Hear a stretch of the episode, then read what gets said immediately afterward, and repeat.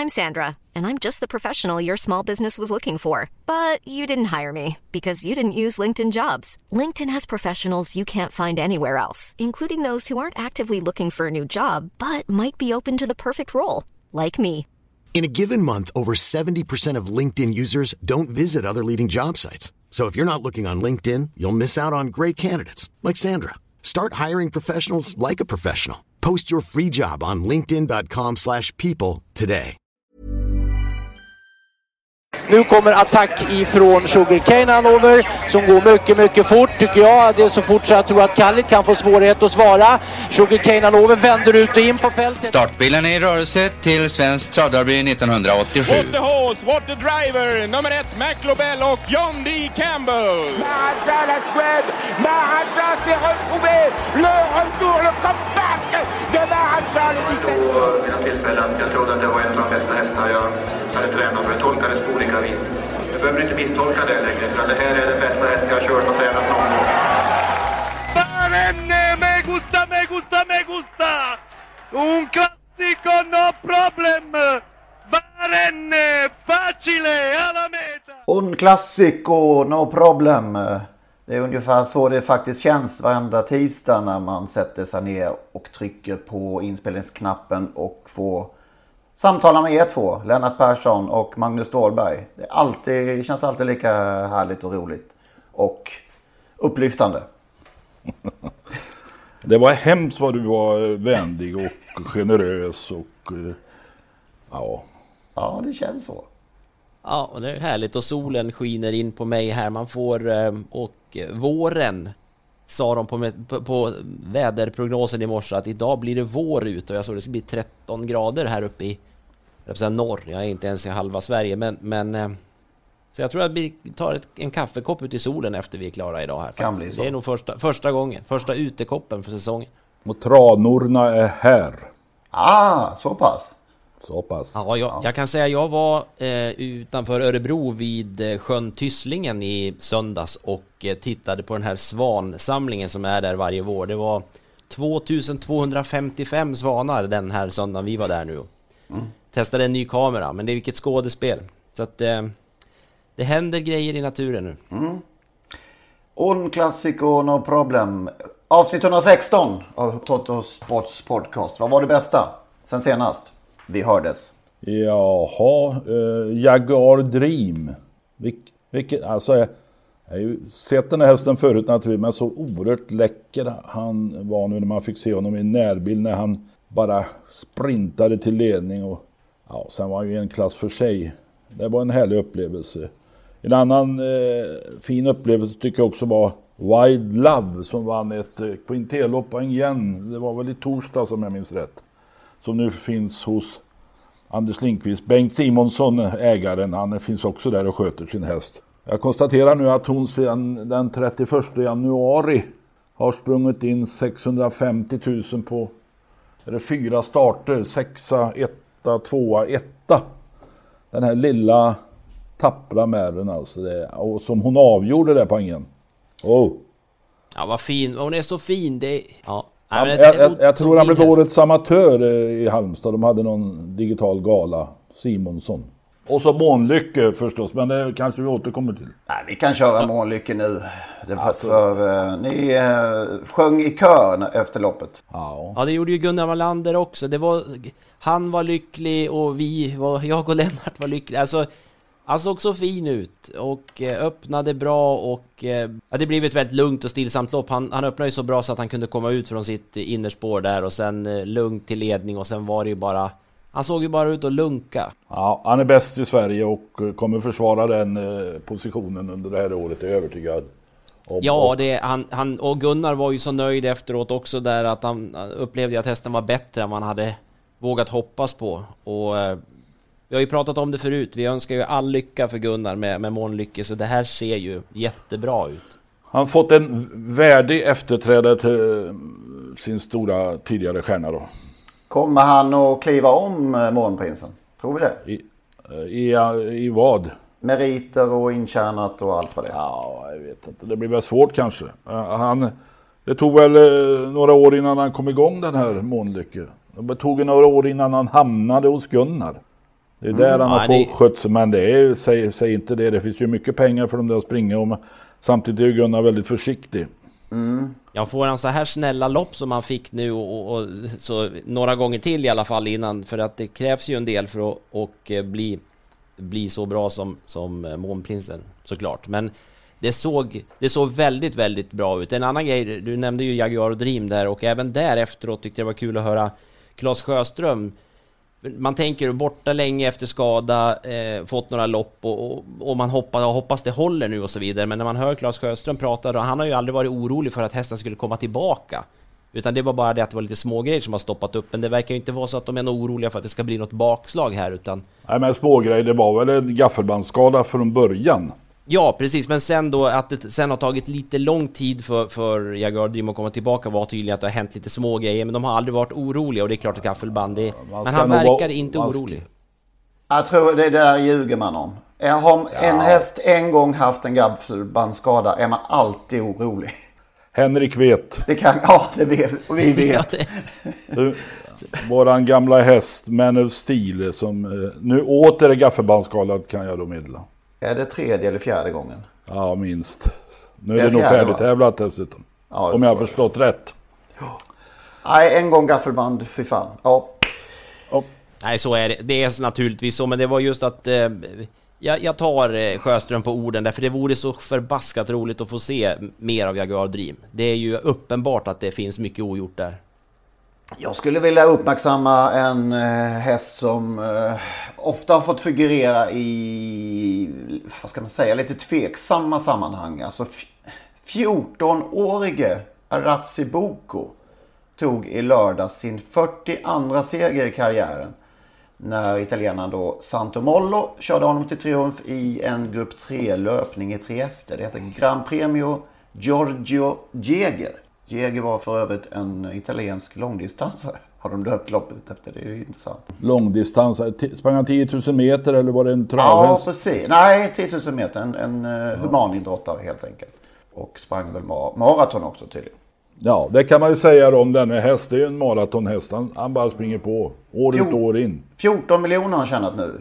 Och eh, den här svenskfödda hästen då. Han började ju hos Patrik och sedan Henrik Södervall innan han då eh, drog utomlands. Och som sagt, han har ju figurerat i lite tråkiga sammanhang med, med, med drivningsincident och sådär. Det har vi sett flera, flertal tillfällen. Men det kan ju inte hästen hjälpa.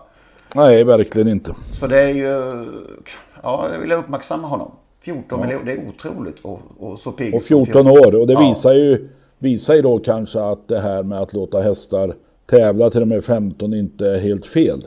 Nej, faktiskt. Men han kommer ändå inte att få starta i Sverige för att de lyfter ju den här åldern ett år i taget nu, men han ligger ett år efter där. Så Han att ligger ett år ju liksom fel, bli okej. 15 år när det blir 14 och så vidare. Varför gör man så? Ja, jag, jag har inte riktigt förstått det där, varför man gör det. är som att man vill följa utvecklingen, tänker jag på. Hur fungerade det för de här 13-åringarna? Innan vi vågar chansa på att de också ska få starta som 14-åringar. Det kommer ju inga nya 14-åringar, utan det blir ju de här 13-åringarna som vi får följa ett tag till. Då. Det var inte någon som debuterar som 14-åring. Det har man ju svårt att tro. Ja, vi lyfter på ja, den berömda. Till Ja, Aratse han är ju borta ur, borta ur de svenska rullorna. Senaste starten som finns hos eh, ST är ju Sweden Cup-finalen 2019. Alla starter han har gjort efter det finns inte kvar så att säga, eller finns inte instoppade. Däremot uppdateras eh, antalet starter och, och eh, penningstatusen så att säga. Det är lite Ja, märkligt. det är ju intressant. Ja. Det är intressant. Antalet starter stämmer och intjänat stämmer. Aratsi Boko. Vad har hänt mer då? Det var, vi var inne på ANGN där eh, med Wild Love och eh, i, ja nu kommer jag inte ihåg vilken dag det var, så såg det lite knepigt ut med en viss, Visst var det på ANGN när loppet gick också? Nej, det var hippodrom, det var Laval. Laval. Med. Jean-Michel Basir inblandat. Är det någon som kan eh, Quinté-loppet, ja. redovisa vad som hände?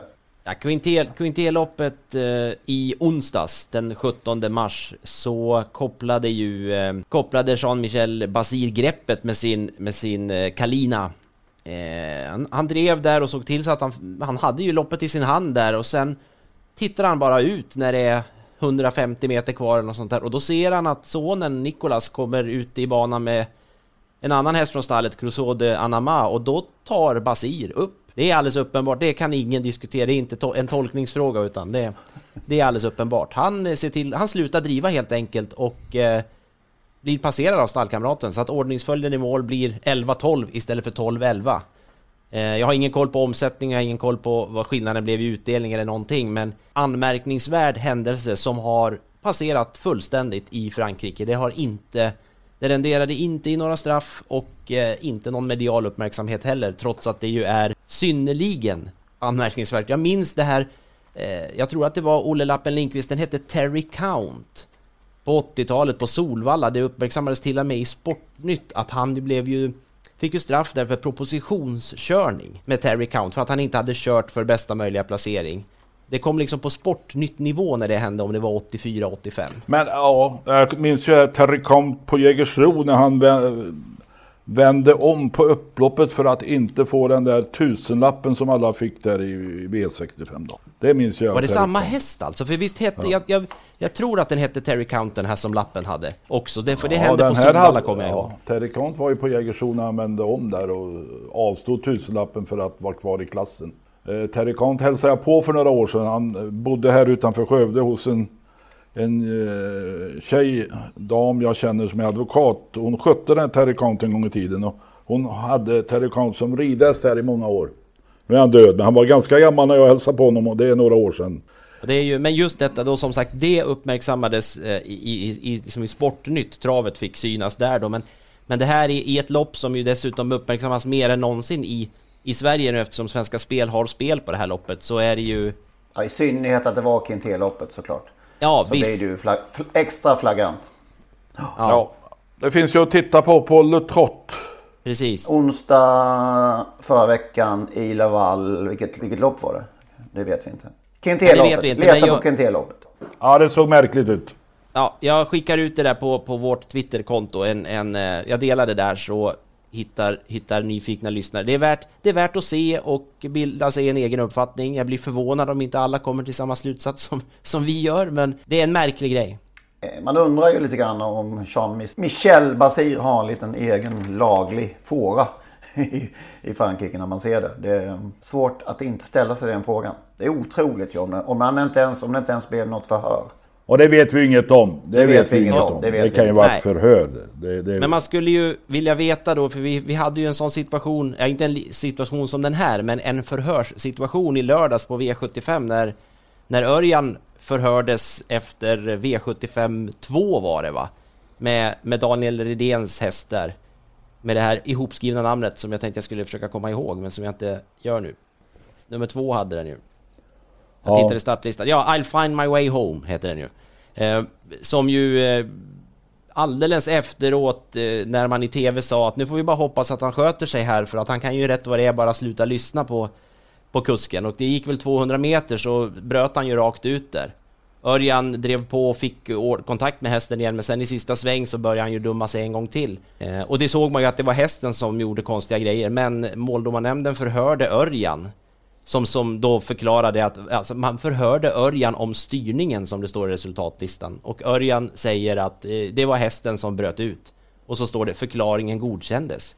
Men hästen har, fick inget startförbud, inget, å, inget åläggande om att den skulle eh, gå något godkänt kvallopp, utan det var Örjan som man ville kolla att, varför Örjan hade gjort som han gjorde. Ja, men det var väl helt korrekt att fråga Örjan eh, varför det, det här hände. Det, det, det, tycker jag han kan ju ändå upplysa dem hur saker och ting står till. Men... Ja det kan han göra om inte de såg vad som hände. Nej, eh, för att just att man, man förhör honom på styrning. Men det är väl, det är väl termen. Men det, det känns ändå konstigt att det sen bara passerar. Det finns ju ingen annan term. Man kan inte skriva vi sam, samtalade med Örjan. Nej det är ju den här alltså, trav... Eh, trav eh, ja, det, det, står ju så mycket konst, resultatlistorna om böter och bestraffningar. Så att det, det finns ju en terminologi som uppenbart inte går att ändra på eller gå runt.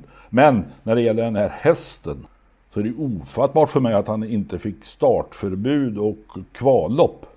Mm. Han är ju rent ja, livsfarlig. Det kunde ju hänt en olycka. Mm. Och det var ganska, ja, det var ganska tyst om det i studio, bland studiofolket. Det kanske inte var så konstigt eftersom programledaren är delägare i hästen. Och det visar sig... Så det uppstår en, en problematik där. De ja, nämnde det... Men, men inte ändå, man, man tänker ändå att det, det blir som sagt det där att man tassar. Man ja, tassar hade det varit, i, i det. Alltså. Hade det varit någon annan häst som inte fanns någon connection till så hade det kanske låtit annorlunda. Eh, de brukar ju försöka att dramatisera allt och hjälpa domarna och, eh, på traven i varje sändning. Här blev det väldigt lågmält. Kanske man skulle ha kallat in en annan programledare just den här lördagen. Självklart. Jag, vet, jag kommer ihåg, jag tyckte det var la, lite larvigt nästan hur det på travronden när vi delade upp vilka lopp vi skulle tippa till en V75-omgång. Och någon, någon av, av de anställda ägde en nos i en häst och då skulle den personen inte tippa det loppet. Jag tyckte det var på gränsen till larvigt nästan. Men, men det, det, är ändå, det är ändå rätt sida att välja. Det är självklart tycker jag att man ska hålla mm hålla rent eh, framför sin egen dörr. Mm. Nej, men jag har varit med om ja, journalister som har lämnat pressrummet faktiskt till och med när de har haft eh, häst som de har ägt. Just under det loppet valt att inte vara där för att på inget sätt påverka någon. Mm. Så att man tar olika på, på hur man ska förhålla sig till det. Mm. Konstatera också innan vi går vidare att eh, Robert Berg ännu en gång har skrivit en krönika i egen, för egen vinning, höll jag på att säga. Eh, när han propagerar för... Man erkänner att den var jävligt bra. Ja, jag håller ju med i sak. Så, ja. så, gör, så är det ju. Ingen, jag tror ingen i den här sporten blir lyckligare av att vi kör med jänkarvagnar.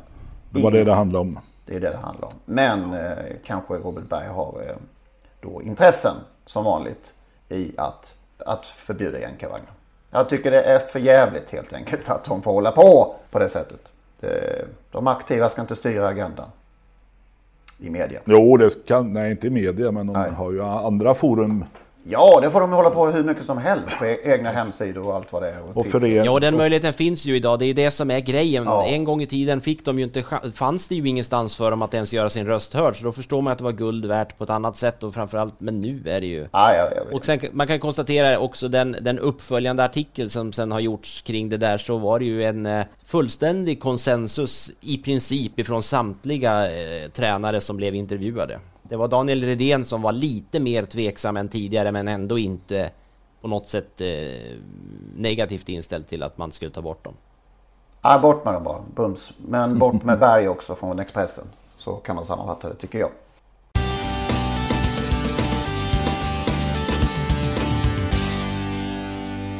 Vi, eller många, höjde väl på ögonbrynen i veckan också när eh, sånt här juniorchanslopp på Bollnäs var det va?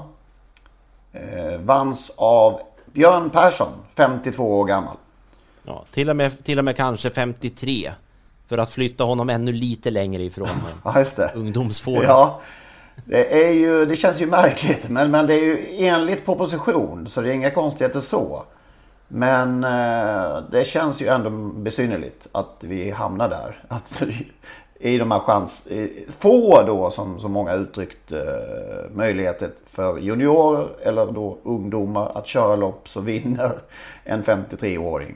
Och det fanns ju andra äldre herrar med i fältet också. Claes Liljekvist är väl fem, ja närmare 60. Ja det var faktiskt så att han, om man tittar på de här åldrarna på allihopa, han fyllde faktiskt 65 år på tävlingsdagen till och med. Ja, det är så pass. Ja. Han blev folkpensionär när han var med i Juniorchansen. det finns en fotbollsspelare, en präst här ute, Mats Löving, jag tror han heter Löving i alla fall. Han spelar i Ek, han är ordförande i Ekedalens SK. Han spelar i Ekedalens U-lag och han är en bit över 60. Och han brukar när han håller föredrag säga att jag är fortfarande ungdomsspelare. Ja just det. Claes Liljekvist är fortfarande junior, eh, juniorman i trav. Ja, vi hade alltså en 66-åring, en 67-åring och en 69-åring med i det här um, juniorloppet också. Eller mm. juniorchansen, ungdomsloppet. Mm. Ja, det är klart. Men, men om man ska balansera detta nu så har jag ju kollat lite och jag läste ett uttalande från Petter Johansson. Det sa han nog för ett par månader sedan. Men under senaste året så fanns det 63 svensklicensierade kuskar eller ryttare in, innan de fyllt 18 år. Då. De var eh, 63 totalt i landet. Det, då förstår man ju att det är svårt att fylla loppen med, med enbart sådana. Så att det är klart. Men eh, någon slags, eh, ja vad ska man göra? Vi, vi borde väl eh, kanske säga att det här har tillkommit för att man inte får spela på eh, kuskar under 18 år. Är det så ja? Just det. Ja, jag vet inte hur man ska göra det. Men det, alltså det låter ju... Be, benämningen är juniorchansen med 69-åringar 69 i loppet. Mm. Loppen. Det blir lite märkligt. Eh, Man borde ändå... Man borde ju inte få sätta upp, om man, om man anmäler hästar till sånt här lopp och så sätter man upp ett enda kurskval och den, den personen är över 60. Det, så borde det inte vara.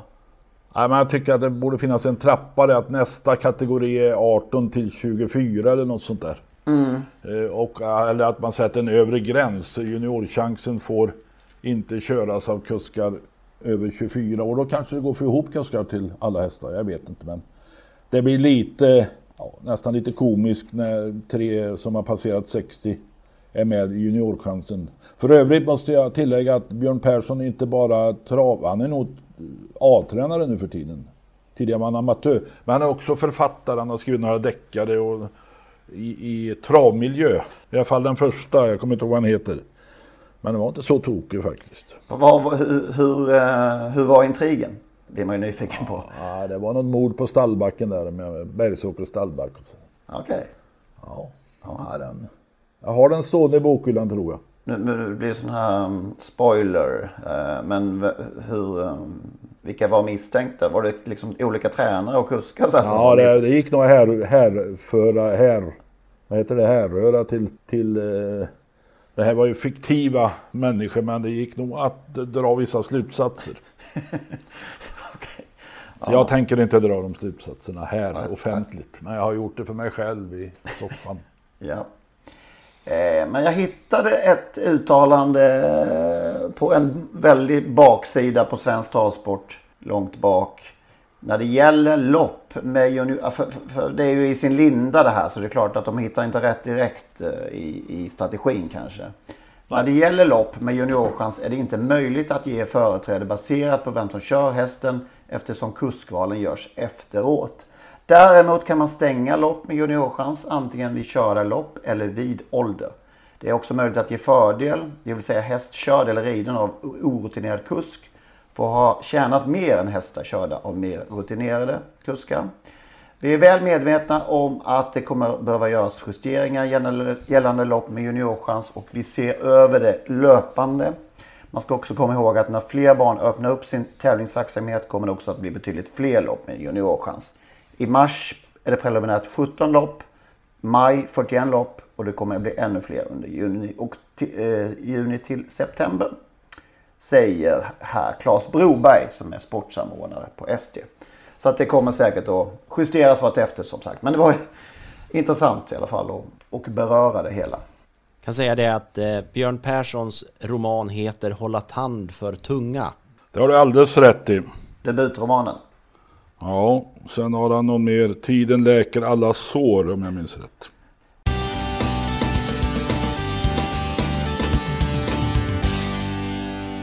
Vi har ett par veckor berört eh, debutantvinnare. Det började ju med Bart och Tösen. Det har vi tjatat om nu. Eh, den här fantastiska treåriga kallblodsstoet. Sen dök det upp lite andra. Banker Hall pratade vi om förra veckan. Nu ska vi ta upp allas vår Jan Timo Timonen. Hörde av sig om Mikora Tilly. Och undrade om inte hon eh, vann till ett smaskigt debutodds eh, på Solvalla en gång i tiden. Och visst, Timo har alltid rätt. Eh, 1986, den 12 mars, står det så här i Dagens Nyheter. Ikora Tilly, tidigt fjärde häst i andra spår utan rygg. Täten på sista långsidan, sedan överlägset. Allt för underskattad står det dessutom i kortkommentaren. Det var på den här tiden det både skrevs kortkommentarer och eh, långa referat från eh, tävlingarna på idén på Solvalla. Eh, ännu roligare är det ju när man ser, han vann alltså då, eller hon vann till 34 och 30 odds, den fantastiska Ikora Tilly. Ännu roligare är att läsa efteråt eh, referatet hur, hur, Torbjörn Jansson dessutom eh, berör oddset i eh, segerintervjun. Det är helt obegripligt att fint stammade Ikora Tilly kunde ge över 30 odds. Men förklaringen måste vara att många hästar i loppet hade föregåtts av fina träningsrykten. Plus att min hade bakspår. Nu bäddades givetvis min segerväg av att sex av tio hästar i loppet galopperade bort sig. Men jag tror faktiskt att fint tränade i kår hade varit långt framme under alla förhållanden. Underbart att eh, Torbjörn Jansson gör en oddsanalys efter loppet. Det är bra. Men alltså hon blev ju senare på året tvåa i kriteriet bakom Piper Cub. Ja, vi kan lyssna på det här.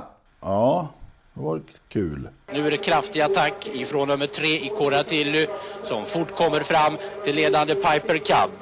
Kana Nips har fått ett perfekt lopp i bakom eh, ledande Piper Cab hela vägen som nu rycker och rycker undan en två längder. Man kör första 500 på sista varvet efter underkant 1.17. Eh, Piper Cub försöker skaka av sig i Coratilly. De här två har eh, sen en och en halv längd ner till Kana Nips som är trött. In på upploppet är det Piper Cub. Det är i Coratilly i ryggen, i Coratilly ut till attack. Det är Piper Cab, det är Coratilly 140 meter kvar och i, i närmar sig Piper Cab har greppet. Eh, nummer 6, Piper Cab och Stig H Johansson vinner Svenskt travkriterium 1986. De var ju helt överlägsna i loppet. Piper Cab. Ja, det var de faktiskt. Eh, Ata Starell gjorde ju bort sig där. Såg ju inte bra ut. Eh, hon blev också tvåa i europeiskt eh, treårschampionat i Haag. Efter Everyway och Wim Pal. Mm. Eh, så att eh, med tanke på det så var naturligtvis debutoddset oerhört bra för de som visste. Mm. Men Ikora till är ju mer känd på ett annat sätt än för att hon eh, gav bra odds i debuten. Precis, då som sagt kriteriet tvåa. Men framförallt kanske efter karriären. Tävlingskarriären. Vad har vi på avkommelistan? 14, 14 avkommor, fyra som tjänade över en miljon. Eller ja, till och med de tjänade minst två miljoner. Och den absolut mest kända av dem, Victory Tilly. Ja, ett av de bästa födelsedagar vi har haft kanske. Måste det nästan, alltså det, man tänker Brunton Tilly som sprang in 3,7 miljoner, Super Tilly 2,5 och Golden Tilly som, som eh, sprang in 2,2 miljoner exporterad till ZA 2012. Vad är det för land? Kan det vara Nya Zeeland? Nya Nej. Zeeland gissar jag. Alltså, vi, vi pratade om Brunton till eh, igår lite grann och eh, det är en häst som man nästan har glömt bort. Men eh, han sprang väl in över 3 miljoner. Ja, nästan fyra till och med. Ja, det är skrämmande. Det är, för, mig, för mig är det helt blankt i princip när det gäller Brunton Ja. till. Och det är obehagligt eftersom jag dessutom jobbade på travronden vid den tiden och var sällan har Alltså, varit med in... Brunton Tilly vann tre segrar på Meadowlands.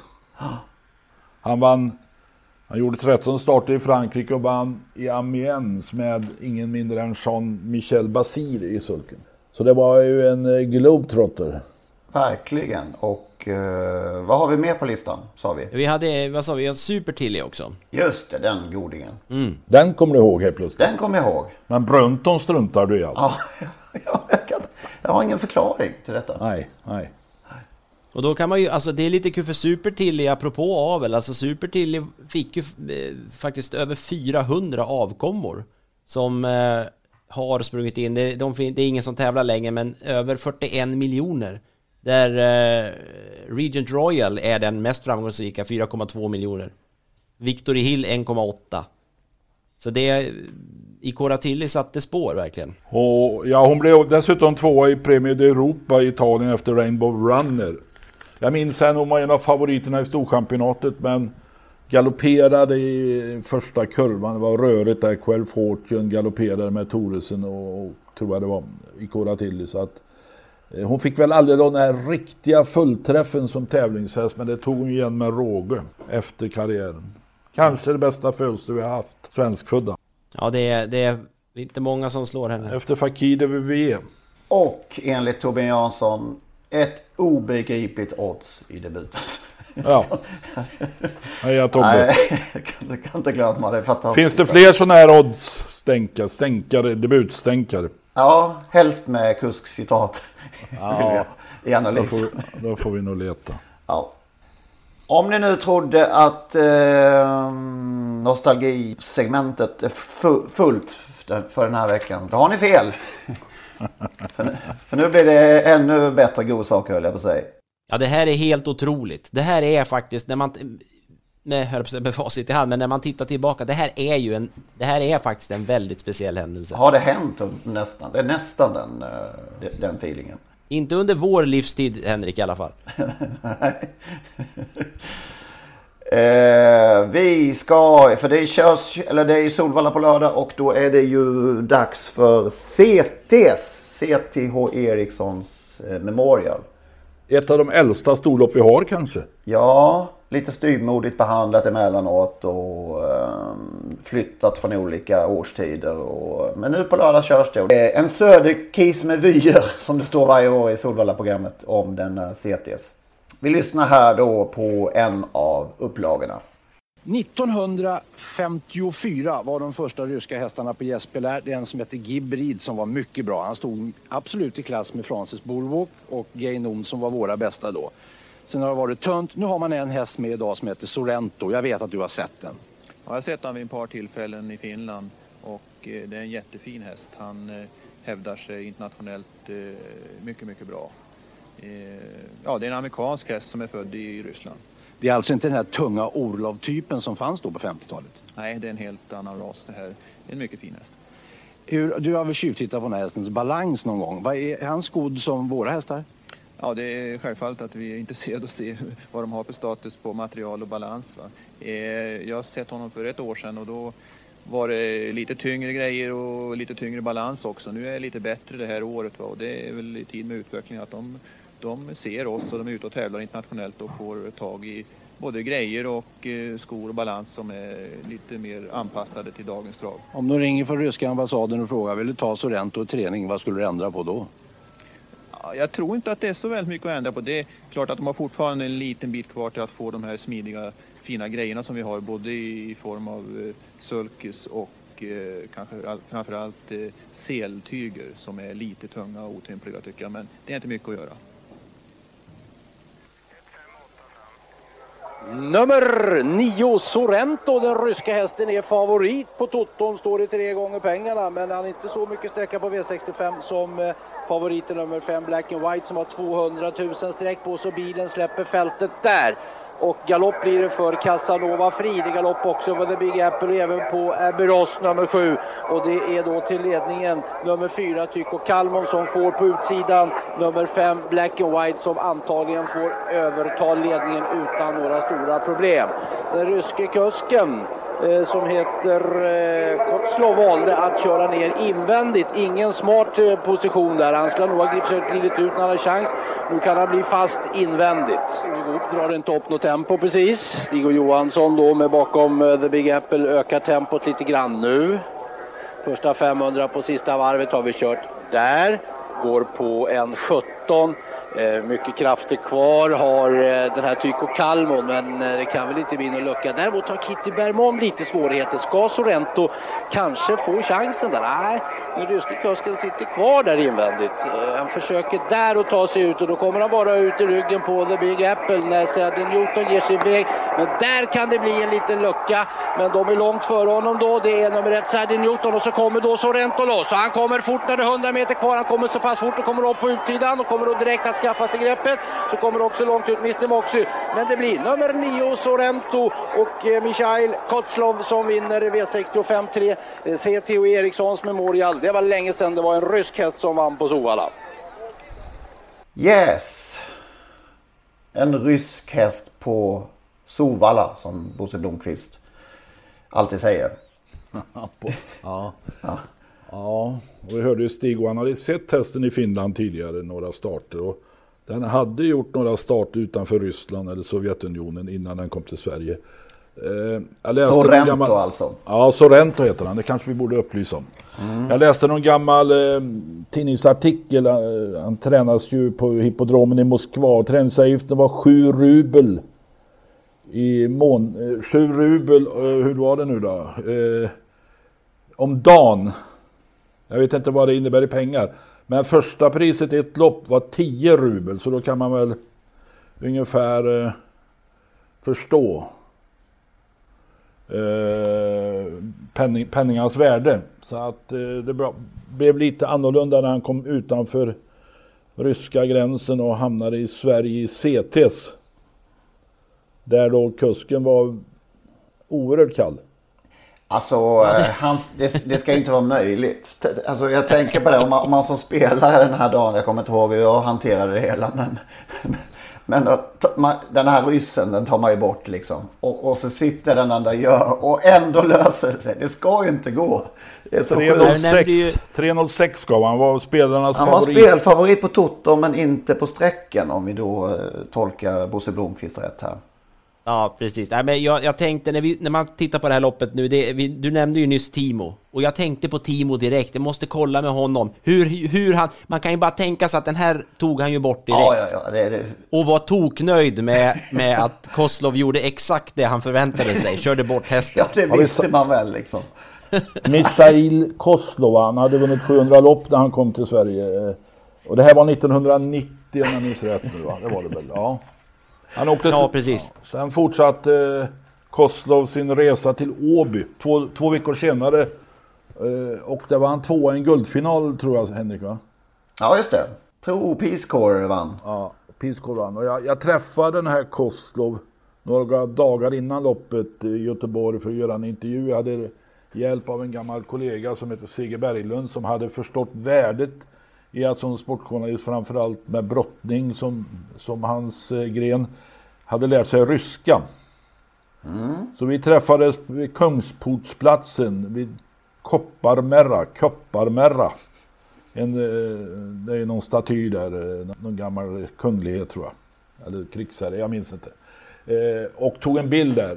Och sen skulle jag göra, det- vi göra den här intervjun och då gick vi in på Gamleport på hörnan där, en, en eh, pub.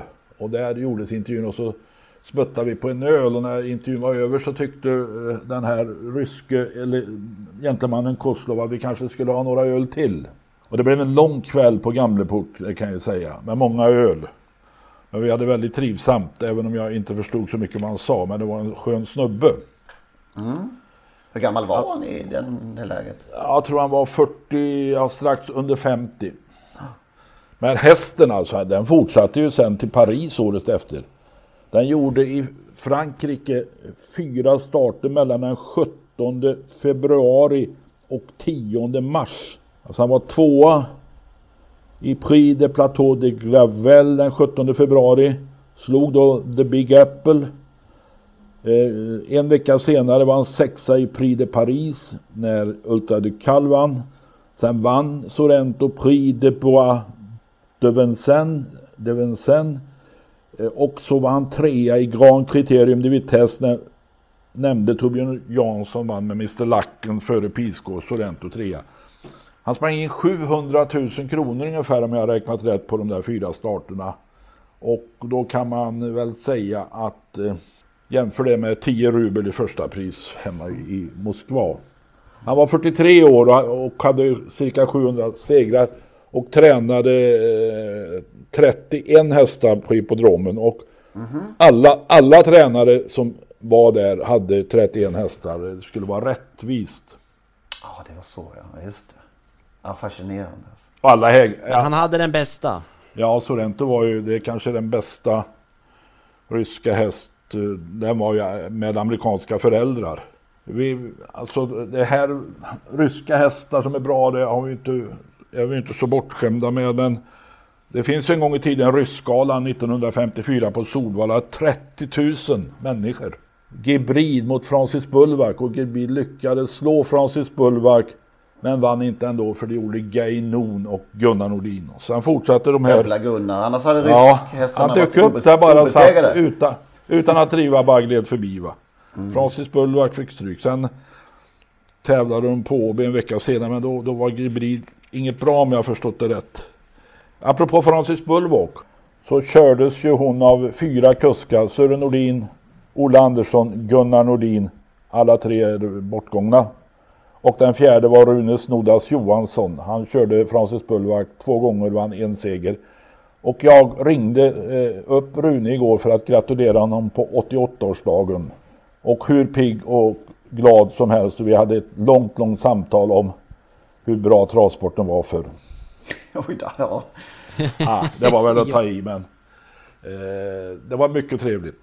Ja, vad roligt. Ja, härligt. roligt. Och eh, hör, härligt att höra att han är pigg och Fre- frejdig. Ja. Det är ju Vi- glädje. Vi ska inte glömma Apex Hannover som var med i Elitloppet 1966. Det var ju en am- amerikansk hästman som tränades i Ryssland, Sovjetunionen och kördes av Maria Burdova. Gick ju till final i Elitloppet. Hon skulle också köra i Prix d'Amérique men där var det stopp. Kvinnor fick icke köra i Prix d'Amérique och det vet ju alla att Helena Ann Johansson var den första kvinna som körde Prix d'Amérique. Ja, men det här med tolk också. Det är ju, alltså när man bestämmer sig för att det är läge att anlita tolk. Det känns märkvärdigt på något vis. Gör det inte det? Man, man gör ju inte det när, för precis vad som helst. Det är något extra då liksom. Ja, det var en, en kollega på, på sportredaktionen, jag var ju tvungen. Förresten så är en av, alltså en av världens genom tiderna bästa brottare, rysk, som är eh, gudfar till Seger, en av Segers söner. Okej. Jag tror, han, jag tror han pratar ganska bra svenska senare på kvällen efter ett antal öl i alla fall. Det blev inte, det blev inte eh, fördomsmannen igång, eller personen igång. Men det blir inga snapsar eller så. Eh, nej, jag tror vi ägnar oss åt öl. Ja. Nej, inte, jag, jag vågar inte garantera detta. Nej. Men jag kom på det när Sorrento dök upp här nu eh, på tapeten i början av Ja. Ja, det är i söndags kväll när vi pratades vid. Mm. Ja, det, det är som, du, som vi har varit inne på. Det är oerhört märkvärdigt alltså när man tänker tillbaka. Det är ju ingen rysk häst efter det väl på svensk mark. Ja, jag vet faktiskt inte det. Nej. Nej, kanske inte. Nej men det uppmärksammades ju även det då, det var väl i och för sig inom ramen för travsändningen men Stig och Johansson fick ju uttala sig om hästen och hur den var balanserad och man man visade ju, eh, man lyfte ju på hoven och tittade på hur han var skodd, Sorrento och så vidare. Det, det var ju så exotiskt, det är en tid man liksom inte... Den är ju svår att föreställa sig idag, då hade vi sett alla Sorrentos lopp på Youtube redan, eller på, på någon bana där och så vidare. Vi hade haft sån koll på, men det här... Ja, den här tiden när det kom grejer som man inte visste någonting om och så skulle man sätta in det i ett annat sammanhang. Det... Ja, då skulle du sett hur det såg ut när Gibrid och de där kom till Sverige 1954. Det, det var, om jag har läst rätt, och det har jag gjort, då, då var det grejer som man inte kunde tänka sig användes längre. Nej, det är det som är så... Ja, nej, det är, det är- svårt att föreställa sig den här oupplysta tiden som inte faktiskt är så oerhört långt bort. Den är 25 år bort ungefär bara. En gång har jag använt tolk, an, anlitat tolk och det var när jag var i Finland och eh, träffade den skygge tränaren till BVT Magic. Det var en härlig upplevelse, det glömmer jag aldrig faktiskt. Matti Salmi. Mm. Mm. Och vad synd. Han hade all, jag vet jag tror inte han hade, jag kommer inte ihåg, men han hade inte speciellt många hästar. Det kanske till och med bara var så att han bara hade BVT Magic. Han hade ju så mycket tid att träna. Han tränade all, som han tränade. Han tränade hårt. Hårt, hårt, hårt och det kanske blev lite för mycket av det goda för den här fantastiskt fina häst BVT Magic. Det är underbart att se också att Bosse Blomqvist, han, han gör allt liksom. Det, det känns som att han håller i kameran samtidigt också och kliver in i bussen och redigerar efteråt liksom. Eh, Han gjorde allt på den tiden. Intervjun där och så, så sköt han hela sändningen. En slimmad produktion eh, kan man, så kan man säga. Ja, det var ju väldigt speciellt de, de gångerna. Han hade ju Thomas Nilsson någon gång med sig i hytten. Det var ju helt eh, fa fantastiskt att det plötsligt fanns en till. Ja, precis. Men annars gjorde den som du säger, det var, all, det var, det var han och Thomas Simpson. Det var de två man, man såg. Förutom de aktiva naturligtvis då. Lite skillnad mot idag. Ja, nu tog, nu tog du inte in. Nej, det gjorde jag inte.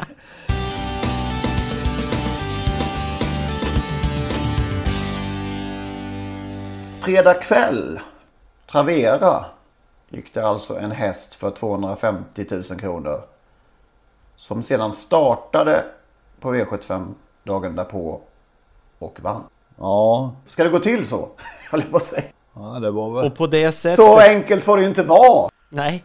Tre, tredje spår till dödens. Ja, den var, den var iordningställd. Jag tror den där mannen som köpte den, han är 75 år, Bengt Olvenmark hette han så. Jag tror han var en Åbygubbe från början. Han var mycket på Åby. Han hade någon taxirörelse i Göteborg. Nu är han ju förstås pensionerad då. Hade någon häst hos Björn Goop och har nu då två hästar hos Björn Goop. Ja, Ja, är, det han, var ju ett- ga- är han gammal i gamet liksom i hästägare? Ja, det, ja, det, ja, som hästägare vet jag inte men eh, Eh, som, eh, som travintresserad tror han är, för mig att han var en flitig besökare på Åby. Jag minns när den här, den här Bingolotto-hästen eh, gjorde människor till hästägare för en dag på, på onsdagarna på Solvalla. Det var ju den populära lådan i Bingolotto i, under Lokets tid. Det var lite roligt för de var ju inte speciellt insatta de flesta som var med där liksom. Och då, då, då kunde det låta om de vann. Ja, men jag tyckte faktiskt det var jätteroligt att hästen faktiskt vann. Det var skoj. Liksom i ett uttryck att det här var väl inga konstigheter. Ungefär den känslan är det när man köper en häst ena dagen eh, och vinner V75 nästa. Det ska inte vara så lätt. Ja, jag läste något uttalande när han hade köpt den där. Och han sa att ja, det är kul att ha med en häst på V75 men jag har inga större förhoppningar. Okej. Okay. Men, men, men eh, vissa då hästägare som stånkar ett helt liv bara för att få en häst i vinnarcirkeln liksom. Ja. ja. Och nu är han inkvalad dessutom inkvalad till en final. Mm. Så att ja, det finns, eh, finns ju lyckoköp. Verkligen. Är, är det här kanske något nytt tecken i tiden? Att man säljer dagen innan V75? Ja, att det blir mer och mer sånt där. Alltså, tiden ja. utan tålamod. Nej, jag tror, inte, jag tror inte att den här eh, äldre gentlemannen köpte hästen på fredag för att vinna på lördag. Utan han köpte väl den här hästen för att ha den ett, ett, ett, ett antal år. Mm. Ja, det är ett dåligt exempel nu när det var, när det var en Prat, Det pratas ju nu om att det ska, eh, som är liknande, man ska göra nya försök, sådana här försäljningslopp som finns i Frankrike. Att man då lägger ut priset för en häst som startar i de här, som man då får köpa Eh, lämna in ett bud på. Jag vet inte. Eh, Tarzan förespråkar ju det. Anders Lindqvist tycker ju det fungerar bra i Frankrike. Man har gjort försök tidigare i Sverige utan att eh, få någon snurr på det. Men jag vet inte om det är dags igen. Mm. Det här med att sälja hästar, det, alltså tidigare så har det säkert sålts hästar dagen före en V75 tävling. Eh, man och man emellan, kvinna och kvinna emellan. Mm. Eh, utan, utan att det har kommit till allmänhetens kännedom. Men det är klart att inte auktion på det här sättet. Nej, nu är det auktion och den är på något sätt offentlig och dessutom när Tarzan var inblandad så, så kom det ju snabbt ut då. Mm. Ja, det var lite kul. Extremt lyckat att det var ingen, vad gav han? 20 oddsare va? På, på... 24 gånger pengarna. Så det var ju... Eh... Ja, låt ja. säga att då eh, ägaren spelade en 5000 också så är affären i hamn då. ja, visst det. Ja, fascinerande i alla fall att se.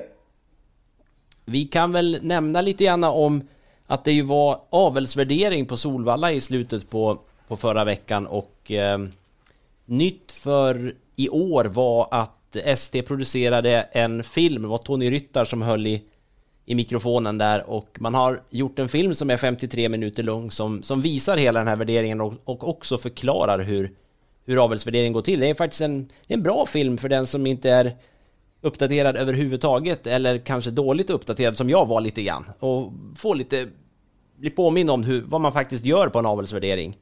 Eh, det var bland annat Gus Miraz och Dan, Don Fanucci Zet eh, som visades upp och det här kan man se i den här filmen och framförallt då Don Fanucci Zet som, som fick fina lovord hur han presenterades och det det var inte svårt att se på bilderna heller att det här är har gått bra med träningen i vinter på Don Fanucci sätt.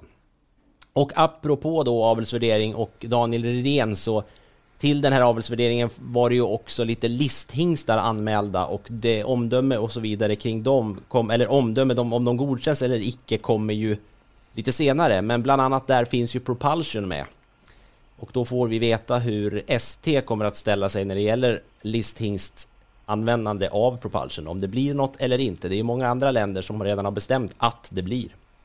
Och sen har vi lite nyheter, alltså propulsion-affären, den är ju, det händer inte mycket i den, men det var ju som bekant nervsnittning det handlade om och från USA rapporterar man ju nu att från och med första maj, vi har ju nämnt det tidigare, men från och med första maj nu så träder den regel i kraft som säger att om man har nervsnittat en häst så ska det rapporteras eh, till USTA inom 30 dagar.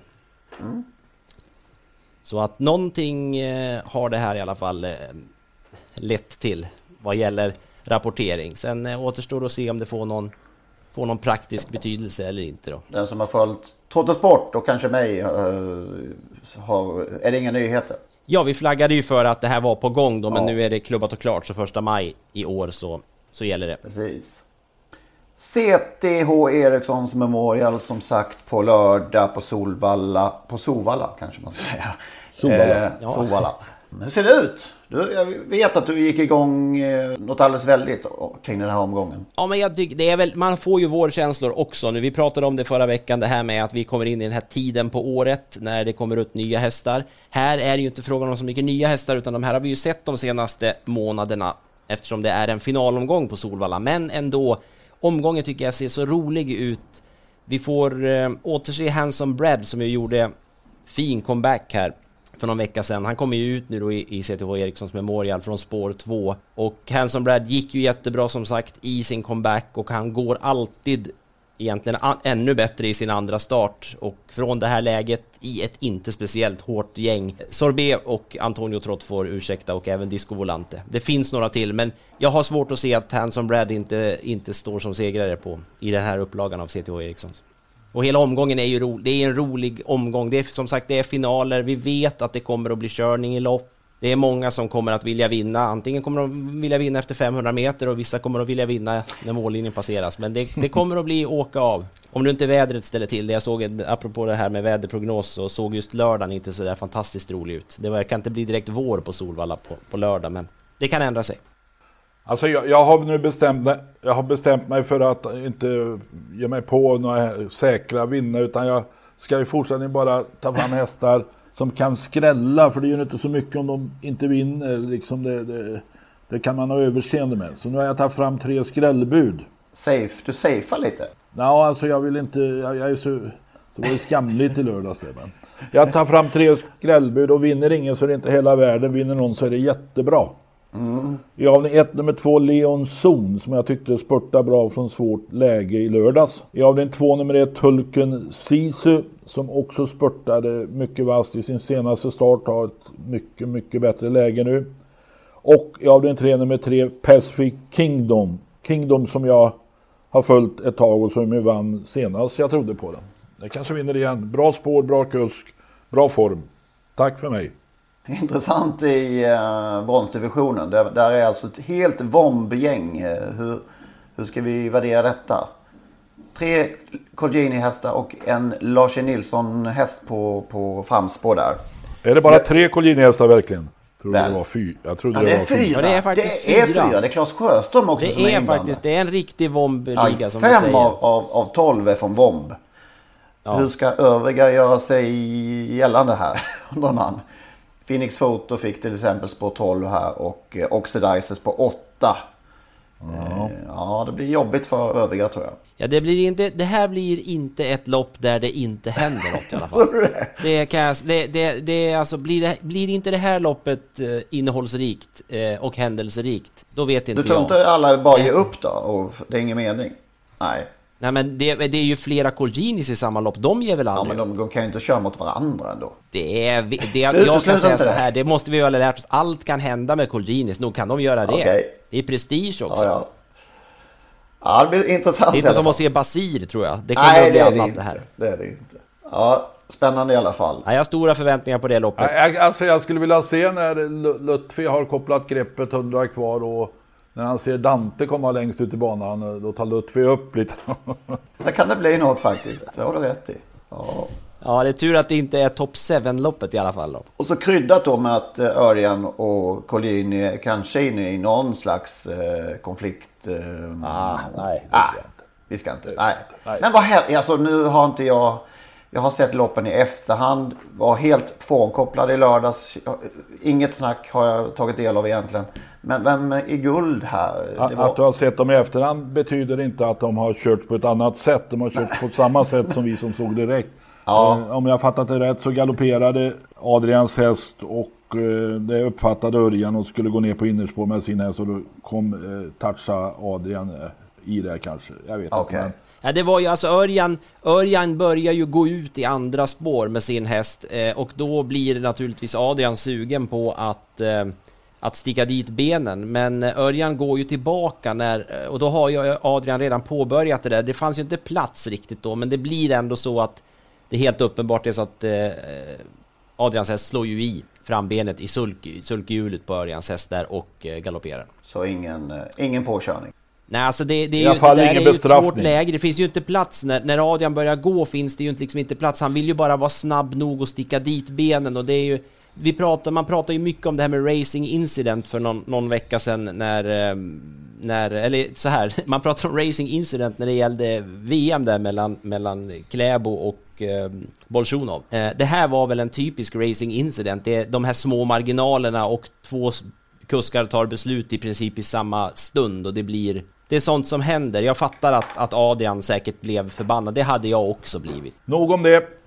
Jag, jag har inte nämnt mitt, jag har inte nämnt draget Nej just här. det, det glömde vi. Du var så sugen på dina Ja, skrällar ursäkta där, men då mig. tänkte jag kontra med, med en skräll. Och det blir i ditt, där du redan hade en här, eh, där du hade Leon Zon. Men jag, jag har nämnt, och det är några veckor sedan nu, men, men jag ger mig inte. Däremot tror jag att spelarna ger sig lite och därmed får vi den där, skräll, den där skrällprocenten. Första avdelningen nummer 9, Talibardin Bo. Eller Boe ska man ju säga. Talibardin Boe. Jag tränade hela morgonen, blev fel ändå. Det blir, nog, Eh. det blir nog veckans kommundrag som MT Oscar Ja. förra veckan, det kan du vara säker Det kan, det kan bli också en häst som ju brukar kunna ha lite jobbigt med aktionen. så alla, det, alla, tipsexperter har, alla tipsexperter har väntat på den där nu så att den kommer. Ja. Nej, jag hoppas ju att även experterna då, Nej, om nej, jag nej, inte nej, räknar de- mig till det nu, så att de också har tröttnat Nej, tänkte jag. nej. MT Oscar, du såg den, de tog omtag. Trots att Henrik hoppade av så tog de omtag. Ja, vilket eh, helt meningslöst den var den här veckan. Och eh, återföll då i sämre aktion. Och kanske blir en paus nu för MT Oscar. Känner jag. Det kändes väl så va? Det kändes väl så. Måste bara säga någonting om eh, loppen utanför också. Det är ju fina treåringslopp. Unghästlopp. Det här är Margaretas tidiga unga serie. Och Pixies lopp. Det är fint ju, storeliten. Ja. Faktiskt. Konrads Rödluva och Dear Friend och Alaska Kronos. Och synd nästan. Lite synd att det inte är med på V7. Men det var väl för få hästar helt enkelt. Ja, det blev för få hästar och ett par, men alltså visst, det är ju, och där kan vi snacka om den här våreffekten i alla fall, att nu börjar de komma. Konrads Rödluva som sagt, vad spännande det ska bli och ehm, mm, det är, nu, nu händer det grejer. Pixies lopp blir man glad av också. Jag noterade Ja, också i eh, treåringsloppet för Stonda att eh, Robert Bergs Sintra är anmäld bara för att ta runt om. Mm. De lever inte som de lär i allt, alltid, så kan man säga. Nej. Samtidigt måste man ju... Man kan ju inte ge handikapp bara för man har en åsikt. Nej, men det är ändå femte starten för ett sto. Ja, det kan man ju ha synpunkter på naturligtvis. Men där är vi igen. Förbjuder där barfota kör för treåringar Mm. om man tycker. Verkligen. Jag glömde en sak förra veckan som jag måste ta här nu eftersom som jag hade lovat för två veckor sedan tror jag det är att jag skulle ta kontakt med med Romme, Mr Romme, en av de två. Bernt Martinsson är den ena så får Lasse Lind vara den andra då. Eh, apropå, vi pratade ju om en, en travtränare på Romme som skulle ha hetat Lasse Lindberg. Som ju då naturligtvis inte var den Lasse Lindberg vi alla känner utan en annan Lasse Lindberg. Och mycket riktigt, jo då, Eh, Lasse Lind på Romme, han bekräftar att eh, visst fanns det en Lasse Lindberg även på Romme. En glad gamäng. Vad rörigt det blev Enligt Lasse. Lasse Lind och Lasse Lindberg och gånger två. Och, ja. Ja, det blev my- mycket här nu. Men, men som sagt, det fanns en Lasse Lindberg på Romme som bland annat hade hästar som, som hette Gruff, Isabet och Tuffa Viktor. Och eh, grejen med, med eh, den här Lasse Lindberg och det, vi pratade ju om honom apropå det här med segergester och det gillade han ju att göra, men det är också den här storyn då om att han på Solvalla en gång ska ha kört ut några extra spår i sista sväng när han var säker på att vinna och så, så ropade han ut åt kompisarna beställ bord. Det är också en annan tid tycker jag det känns som, men, men det, jag förstår ditt snack med Snoddas att det var hur roligt det var förr. Det, det var nog jäkligt roligt förr också, på ett annat sätt. Jag noterar också, apropå folk eller inte på banor och sådär, att eh, majpropositionen har kommit. Kikade till hur det ser ut på Elitloppsdagen. Första start 12.40. Tror vi att det håller sig så? Det Vad är, vad är alternativet? Som i fjol. Kvällstrav. Ja, just det. Ja. Ja just det, du sa första start på söndagen sa du ja. Jag lyssnade dåligt. Ja, Det har väl... Eh, Ja. eh, Blir det publiklöst så kör de kvällstrav då tror du alltså? Ja, de gjorde ju det i fjol. Det är, ju, Ja, ja. Det är inte min grej att eh, ändra på sådana fasta traditioner som en Elitloppsdag. Oavsett om det är publik eller inte. Men det är jag det. Ja, ja. ja nej det... Ja, vi får väl se. Det blir väl en, en vår här de närmaste månaderna där vi får se hur det blir, om det kommer att bli en successiv öppning av arenor då. Det pratas ju om det på fotboll och annat och att då är väl naturligtvis också travet, får man väl utgå ifrån, redo för att göra det på något sätt, men det kommer ju alldeles oavsett inte att bli... Det blir ju inte öppna, öppna dörrar hela, hela vägen runt på Solvalla i alla fall, utan det, det, får, det blir några stycken som får komma in. Alltså jag hörde någonting att det fanns någon plan där eh, fotbollen att öppna för i tre steg. 50 åskådare, nästa steg 600 åskådare och det tredje steget fullt ut. Oj, det var ett stort steg på slutet. Ja, men då, ja, det innebär, innebär väl att det blir 600 ganska lång tid. Ja, så är det ju säkert. Och då, då kan man ju spekulera i det att eh, om man kommer till fas 2 där i mitten på maj så kanske man får ta in 600 på Solvalla då. Mm. Eh, men det är en ren spekulation. Mm. Det skulle förvåna mig oerhört om vi får se fullsatt Söderstadion eller fullsatt Solvalla innan hösten. Jag är benägen att tyvärr hålla med. Nej, jag håller med. Och det, det, vi vet, det är ju väldigt, väldigt fortsatt väldigt ovisst, men det kommer ju att bli så skönt när vi slipper hålla på och ens fundera kring det här. Det är väl förhoppningsvis inte allt för långt bort nu, men, men eh, det blir inte fullt på Solvalla. Och det är ju intressant det du säger Henrik. Det, det känns ju som att, att när vi närmar oss så finns det väl dessvärre, tror jag, en risk att man kommer att prova på alltså att flytta starten igen om inte det är så att det blir någon publik. Då gör man ett nytt försök med den här sena starten. Det, jag tror att man tyckte att det var väldigt lyckat. Mm. Hopp, så är det. Vi får se hur det blir. Hopp. Allt vi vet är att om en vecka är Trottosports podcast tillbaka. Jag la ut en bild igår förresten på uh, Instagram. Ja, vem, vem föreställer den bilden? tackar, tackar. det, det, är en kille jag aldrig har sett. jag blev förvånad själv. Vi hade lite nostalgiafton här igår och tittade på gamla foton. Då dök det upp från en kväll i Florens för, uh, jag ska inte säga hur många år sedan det är. Men eh, då väcktes en liten idé om att skicka in bilder från eh, banor som ni har besökt världen över. Så det kunde vara lite kul att lägga upp på Instagram. Känns det inte så? Nu tittar jag på den där bilden på Instagram. Ser du vem det är? Ja, jag gissar ju att det är du, men... Ja. Lemolina i Florens. Eh, en bana som tyvärr inte finns längre. Himla Men vad är det för, vad, är det, vad står bakom ryggen på det? Ser ut som en jävla pommes frites-paket. Ja, det är ruskigt dåligt, säger man, foto session upplägg. Med att lägga den bakom där. Det, det är någon... Ja, jag känner att det här är ju... Nu finns ju Photoshop så att vi, vi i efterhand kan vi ju rädda den här situationen. Men det, det är helt klart så att det, det är blixt och det är... Det, ja, det, är, det är inte genomtänkt. Nej. Och jag måste nog säga där att den här personen på bilden som nu då påstås, tror jag då vara Henrik Ingvarsson, vad jag förstår, ser ju inte heller helt bekväm och beredd ut på något sätt. Utan det... Det ser lite stelt ja. ut. Ja, det, då fanns det ändå betydligt i stor omfattning sämre bilder av dem vi eh, tittade igenom igår. ja, men ska... mejla in till podcast.autosport.gmail.com om ni har varit på Meadowlands eller eh, Pompano Park eller i Rom eller Paris eller vad det nu kan Monte vara. Montecatini vill jag ha. Ja, Montecatini. Det hade varit jättekul tycker jag. Ska vi sluta nu? Ja, det gör vi. Hej då! Hörs om en vecka. Hej, hej, hej. Hej, hej då!